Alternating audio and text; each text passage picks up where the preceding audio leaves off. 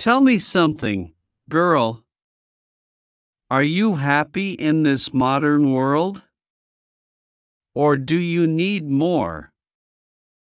Is there something else you're searching for?